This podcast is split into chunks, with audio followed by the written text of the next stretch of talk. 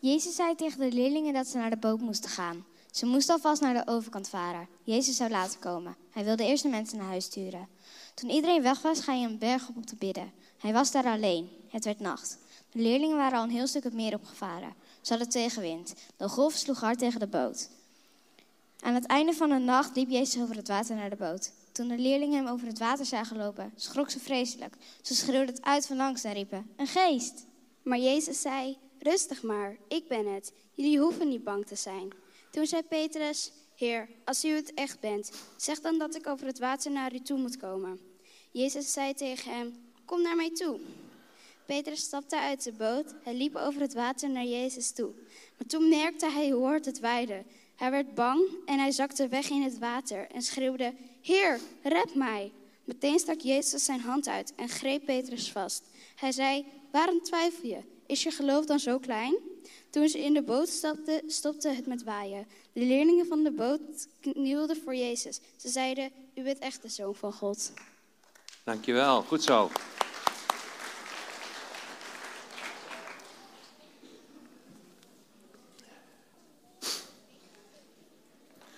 Ja, jullie hoeven niet bang te zijn, zegt de Heer Jezus tegen zijn discipelen. Op school hebben jullie gehoord over verschillende wonderen die de Heer Jezus heeft gedaan. En ik heb toen straks al gezegd van, het hangt eigenlijk allemaal aan de muur, wat jullie gemaakt hebben daarover. De storm op het meer, de Heer Jezus die over het water loopt, de vijf broden en de twee vissen. En ik heb eigenlijk even een vraagje aan jullie. Waar heeft de Heer Jezus deze wonderen gedaan? Was dat in de woestijn? Of was dat gewoon ergens in huis? Of waar heeft hij eigenlijk die wonderen gedaan? Weten jullie dat nog?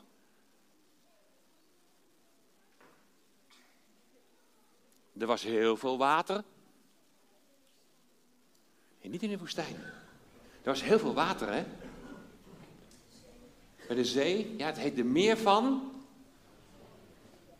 Ja, het meer van Galilea. Heel erg goed.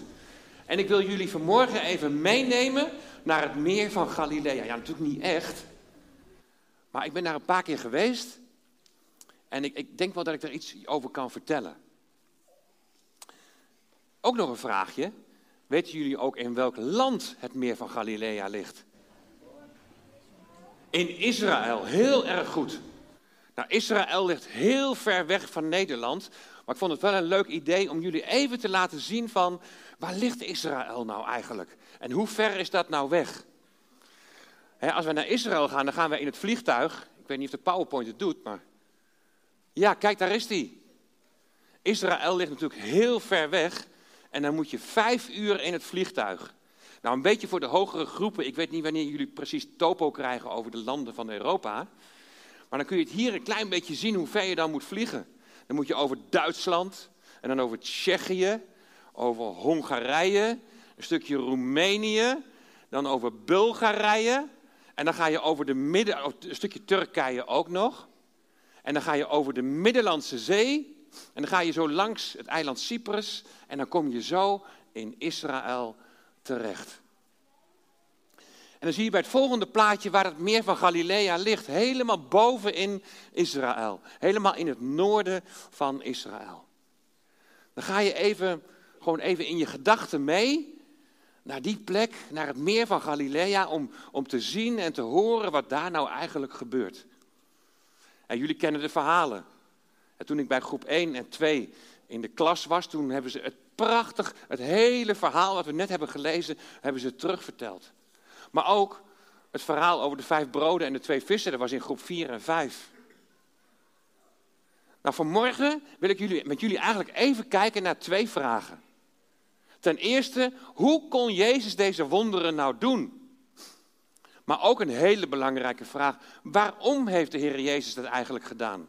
Was het nou alleen maar om de mensen blij te maken? En dat is natuurlijk al heel fijn, hè? Het is heel fijn als je mensen blij kunt maken. Of zat er toch nog iets, iets diepers achter? Waarom heeft Jezus deze wonderen nou eigenlijk gedaan? Nou, we wandelen als het ware even langs het meer van Galilea. En de eerste die we zien is Jezus. En Jezus is moe. Hij wil graag een beetje rust. Weet je, aan de kant van het meer waar hij is, daar heeft iemand de macht. En, en die mag Jezus niet zo. Dat is Herodes Antipas. En hij houdt Jezus in de gaten. Want hij ziet wel dat Jezus hartstikke populair is. Er zijn heel veel mensen die achter hem aanlopen. Hij heeft zelfs gehoord dat hij mensen geneest. En die Herodes Antipas die denkt, wel weet je, straks dan gaan ze achter hem aanlopen en dan luisteren ze niet meer naar mij. Dus ik moet een beetje in de gaten houden hoe dat allemaal verloopt. Herodes is op zijn hoede. Dus Jezus moet wel een beetje oppassen. De Heer Jezus heeft ook iets gehoord wat helemaal niet leuk is. Zijn neef, Johannes de Doper, die leeft niet meer. En daar is die, uiteraard is hij daar best wel een beetje verdrietig over. Dus hij moest heel goed opletten wat die Herodes betreft. Er waren continu mensen om hem heen die van alles van hem wilden. En hij heeft ook nog een beetje verdriet over zijn neef, over Johannes. En daarom wil Jezus even, even naar een plekje waar het rustig is.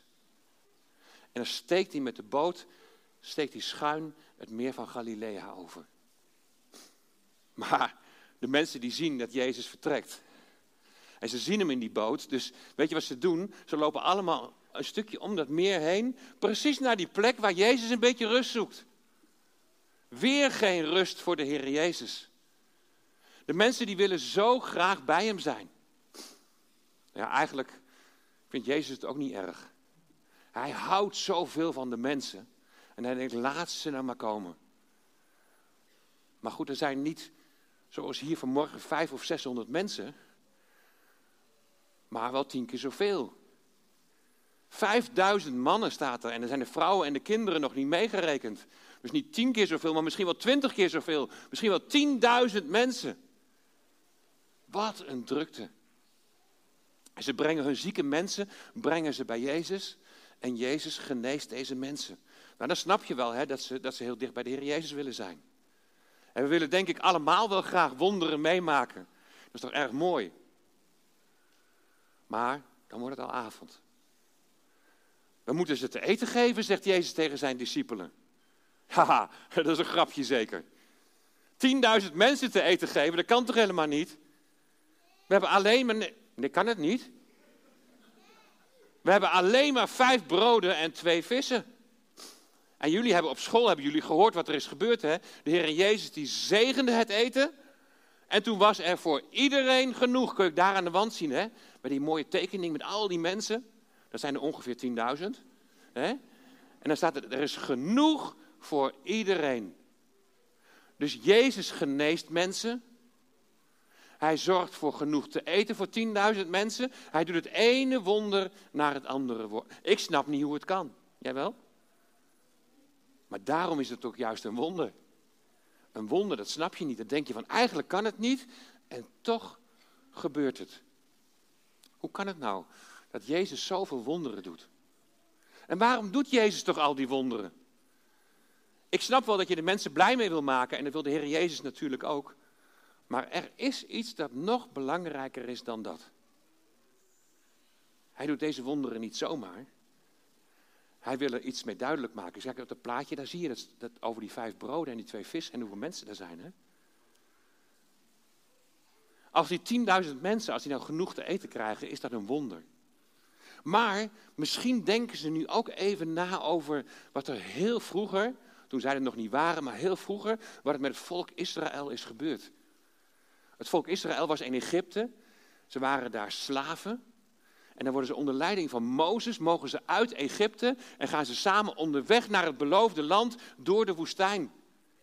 En dan denk je toch ook, er waren nog veel meer dan 10.000 mensen, nog veel, veel meer. En dan ga je onderweg door de woestijn en dan is natuurlijk de vraag van, hoe kom je dan aan genoeg eten? Wat kwam er toen uit de hemel? En wat kwam er toen elke morgen? Waar konden ze van eten? Hoe heette dat? Weet je dat? Inderdaad, manna. En ze konden ook nog kwartels eten. En zo wisten ze dat de Heere God bij hen was en dat hij met hen meeging door de woestijn en dat hij voor het volk zorgde. Hij was hun koning. Ze hadden helemaal geen andere koning nodig. Ze hadden geen aardse koning nodig. Nee, God is genoeg. En hij brengt ze naar het beloofde land.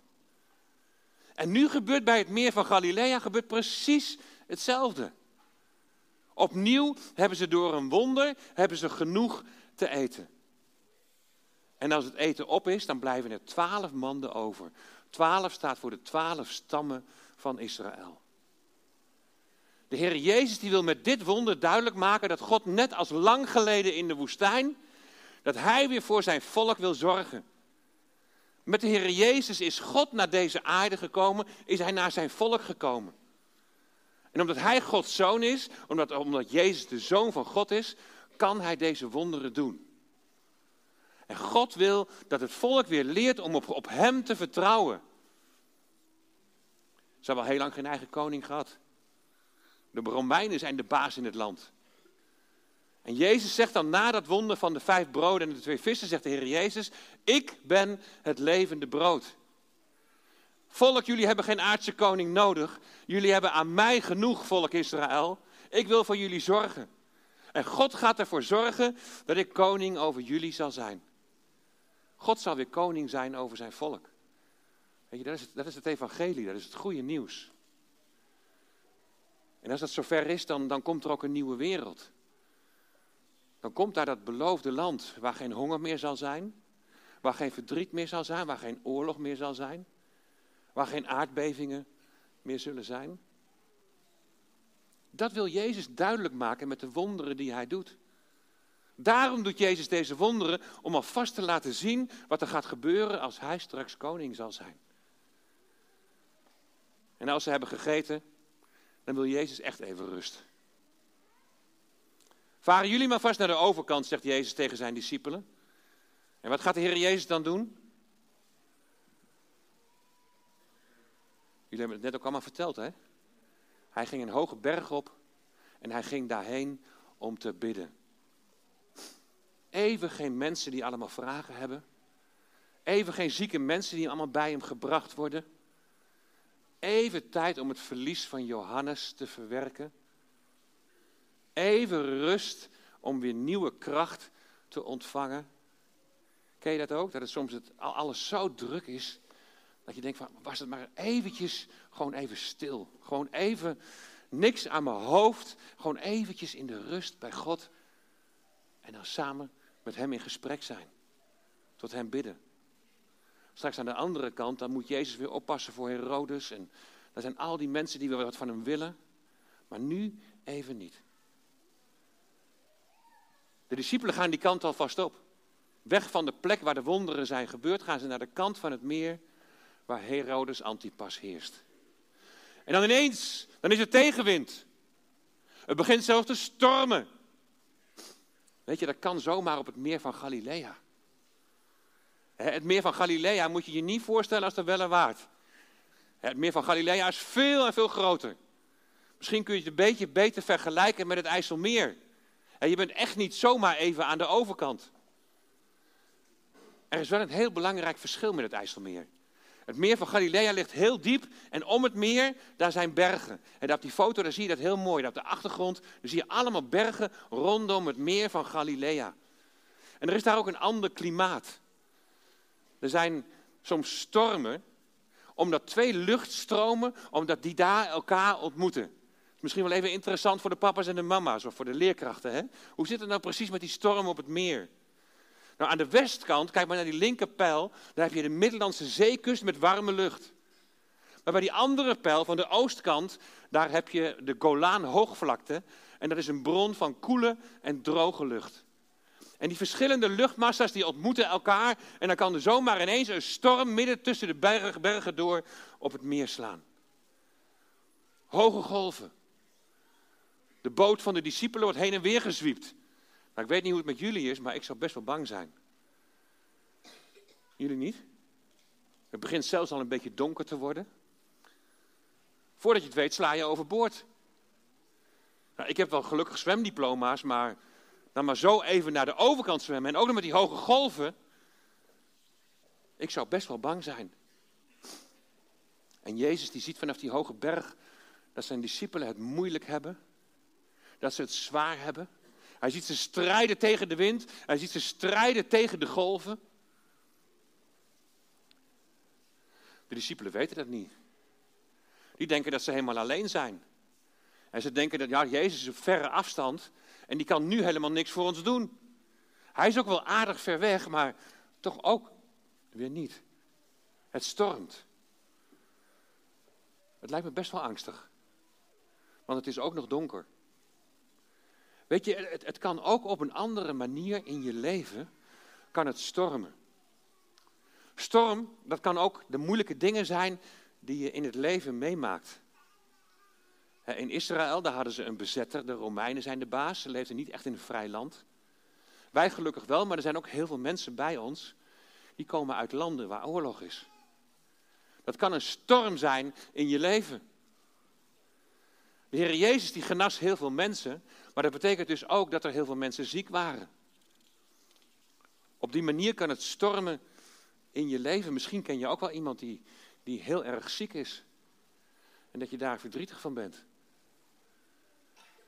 En God lijkt heel ver weg.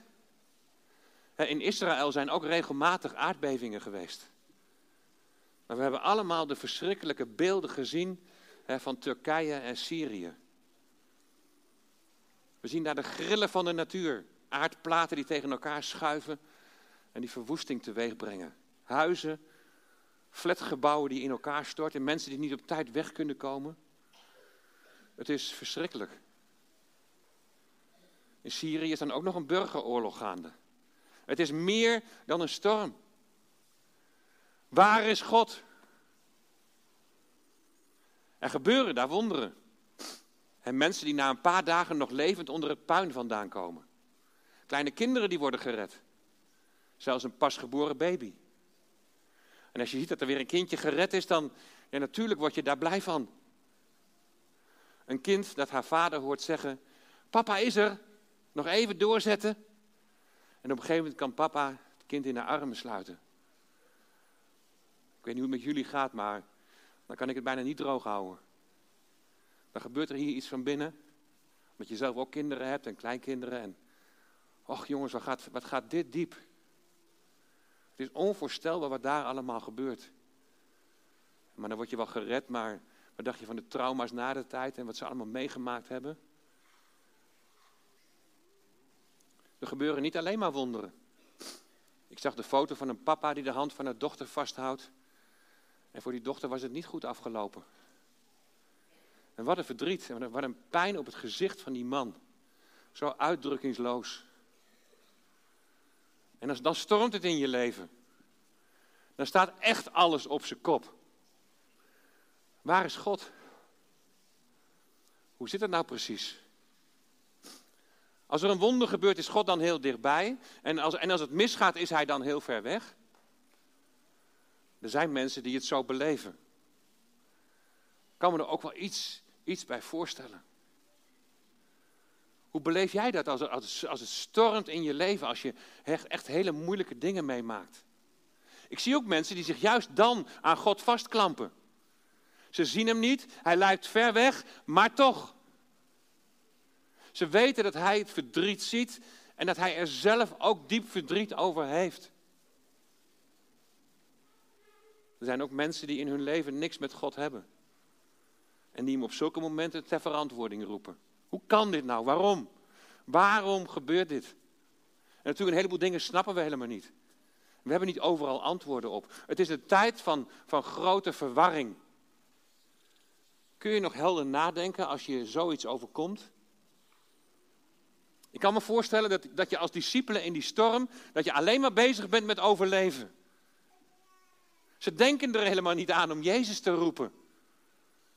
Want die zou hij toch niet horen, die is ver weg. Maar is God echt ver weg? Hoort hij je echt niet? Als je de tijd nou eens even terugdraait. Geen storm. Ze zijn nog niet samen in de boot. Ze zitten nog samen, zitten ze in het gras. Ze hebben allemaal genoeg te eten. Niks aan de hand. Jezus is erbij. En hij maakt door het wonder van de vijf broden en de twee vissen, maakt hij duidelijk dat er straks dat er een andere wereld komt als hij koning is. Stel hè, dat ze toen het volgende met elkaar hadden besproken. Stel nou, en we gaan zo meteen het meer op, en het begint ineens te stormen. Blijft dan alles nog staan? Blijft dan nog steeds staan dat er een moment zal komen dat het niet meer zal stormen als Jezus koning is? Als God weer koning is. Of zijn dan al die beloften vergeten en raken we in paniek? Hoe sterk is ons geloof? Ook als er flink op ingebeukt wordt en als er stormen in ons leven zijn. Weet je, dat gesprek hebben ze niet gevoerd. Er staat zelfs dat hun harten verhard waren. Dus eigenlijk, de discipelen waren toen nog helemaal niet zo onder de indruk van die, van die broodvermenigvuldiging. Dat iedereen genoeg te eten had. Wonderen zijn blijkbaar geen garantie dat mensen allemaal maar gaan geloven. Hangt geloven nou echt af van wonderen? Moet het dan alleen maar goed gaan in je leven als je gelooft en bestaat God anders niet? Misschien denk je ook wel dat God heel ver weg is. Of dat hij helemaal niet bestaat. Of, of dat hij je niet hoort. Maar dan zien de discipelen, die zien iets op het meer. Het lijkt wel een geest. Het lijkt wel een spook. En het komt zo over de golven, komt het naar hun toe. En ze hebben er geen moment aan gedacht dat het Jezus zou kunnen zijn. Ze werden zelfs hartstikke bang. Wat wil die spookfiguur van hun? Maar als ze goed kijken, is het Jezus. Hoe kan het? Zou jou dat ook kunnen overkomen? Dat je in de storm van je leven, in de moeilijke dingen die je meemaakt, dat je ineens ziet wie Jezus is. Wie Hij voor jou wil zijn. Je gaat ontdekken wie Hij is en je gaat rust zoeken bij Hem. En opnieuw gebeurt er een wonder. Jezus loopt over het water naar zijn leerlingen toe. Waarom doet hij dat nou? Is hij nog niet populair genoeg? Wil hij eens even laten zien hoe fantastisch hij is? Kijk mij eens en kijk eens wat ik allemaal kan. Nee. Jezus wil iets duidelijk maken. Hij zegt later, wie mij gezien heeft, die heeft de Vader gezien. Jezus wil God de Vader laten zien. Jezus wil laten zien dat God de Vader, dat hij voor zijn volk wil zorgen. Weet je, in Psalm 89, vers 10, daar staat, u heerst over de onstuimige zee. En de hoogste golven brengt u tot bedaren. Dat gaat over de Heere God. Maar het is precies hetzelfde wat de Heer Jezus ook doet. Opnieuw laat Jezus met dit wonder zien dat heel belangrijk is. Jezus is God die als mens naar deze aarde is gekomen om zijn volk te redden. Volk Israël, jullie God ziet naar jullie om. Hij wil dat alles weer goed komt tussen hem en zijn volk. Alle wonderen die Jezus doet, doet hij, doet hij niet alleen om de mensen plezier te doen. Natuurlijk is dat ook fijn. Maar hij doet die wonderen om aan de mensen te tonen en te laten zien dat God eens weer koning zal worden. En dat hij ervoor zal zorgen dat er geen verdriet meer zal zijn. Wat zijn de discipelen bang? Maar dan zegt Jezus rustig maar. Ik ben het. Jullie hoeven niet bang te zijn. Petrus is nog niet helemaal zeker dat het Jezus is. Toen zei Petrus, Heer, als u het echt bent, zeg dan dat ik over het water naar u toe moet komen. En Jezus zei tegen hem, kom naar mij toe. En Petrus stapte uit de boot. Hij liep over het water naar Jezus toe. Maar toen hij merkte hoe hard het waaide, toen werd hij bang. En hij zakte weg in het water en hij schreeuwde, Heer, red mij. Weet jij misschien ook nog niet helemaal zeker hoe het nou met die Jezus zit? Jezus wil graag dat je bij hem komt. Kom tot mij, zegt Jezus. En als je moe bent, als je rust van binnen wil hebben, kom dan bij mij. En je moet natuurlijk niet gaan proberen om over het water te gaan lopen. Maar ga wel net als Petrus naar de Heer Jezus toe. Hij wil in de stormen van je leven, en die stormen gaan niet altijd weg. Soms maken we hele moeilijke dingen mee. Maar hij wil juist midden in die storm, wil hij je rust van binnen geven. Ga maar in het geloof en dat hij voor je zal zorgen. Ik heb van de week op school nog weer meegemaakt hoe belangrijk het is dat je gelooft als een kind.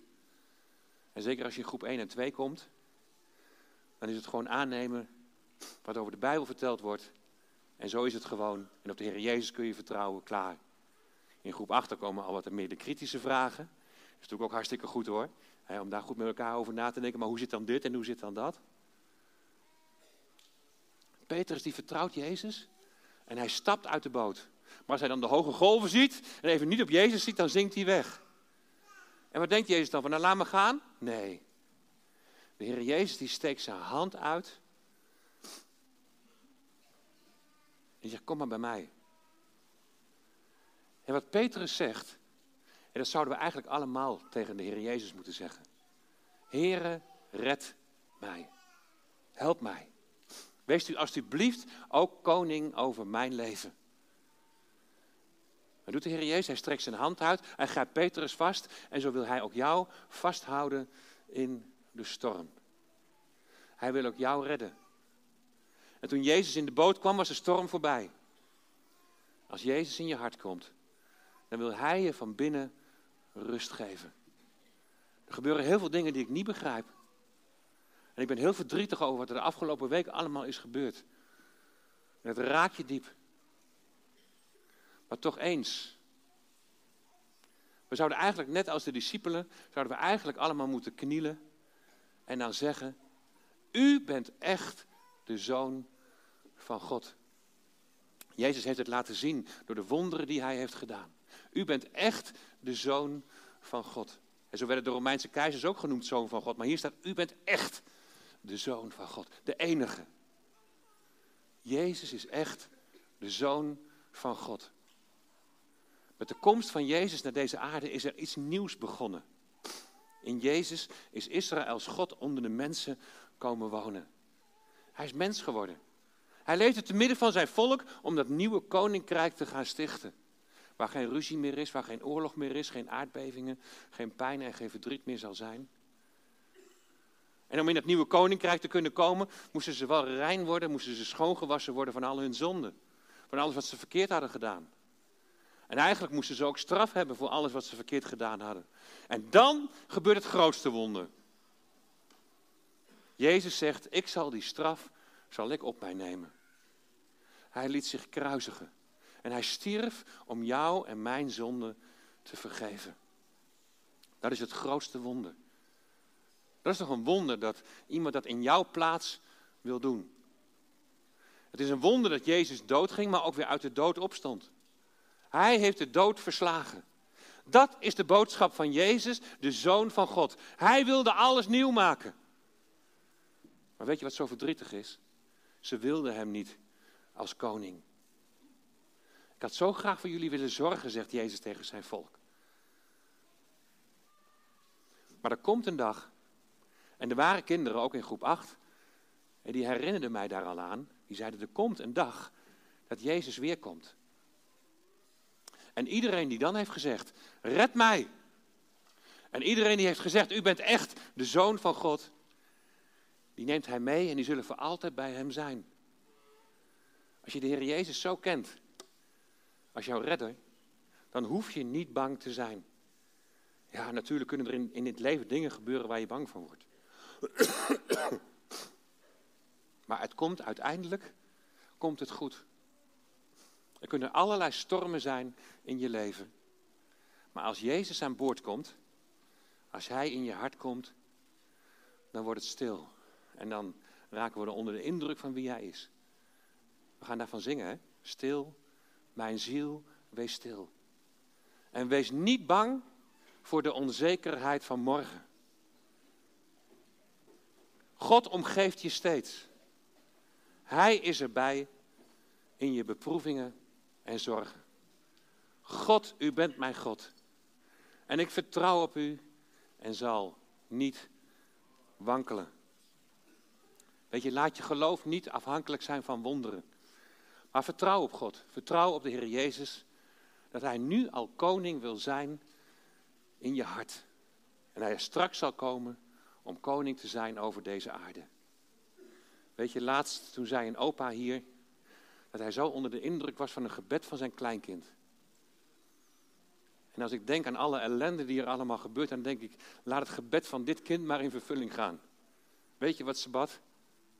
Kom maar gauw, Heer Jezus, want ik hou zoveel van u.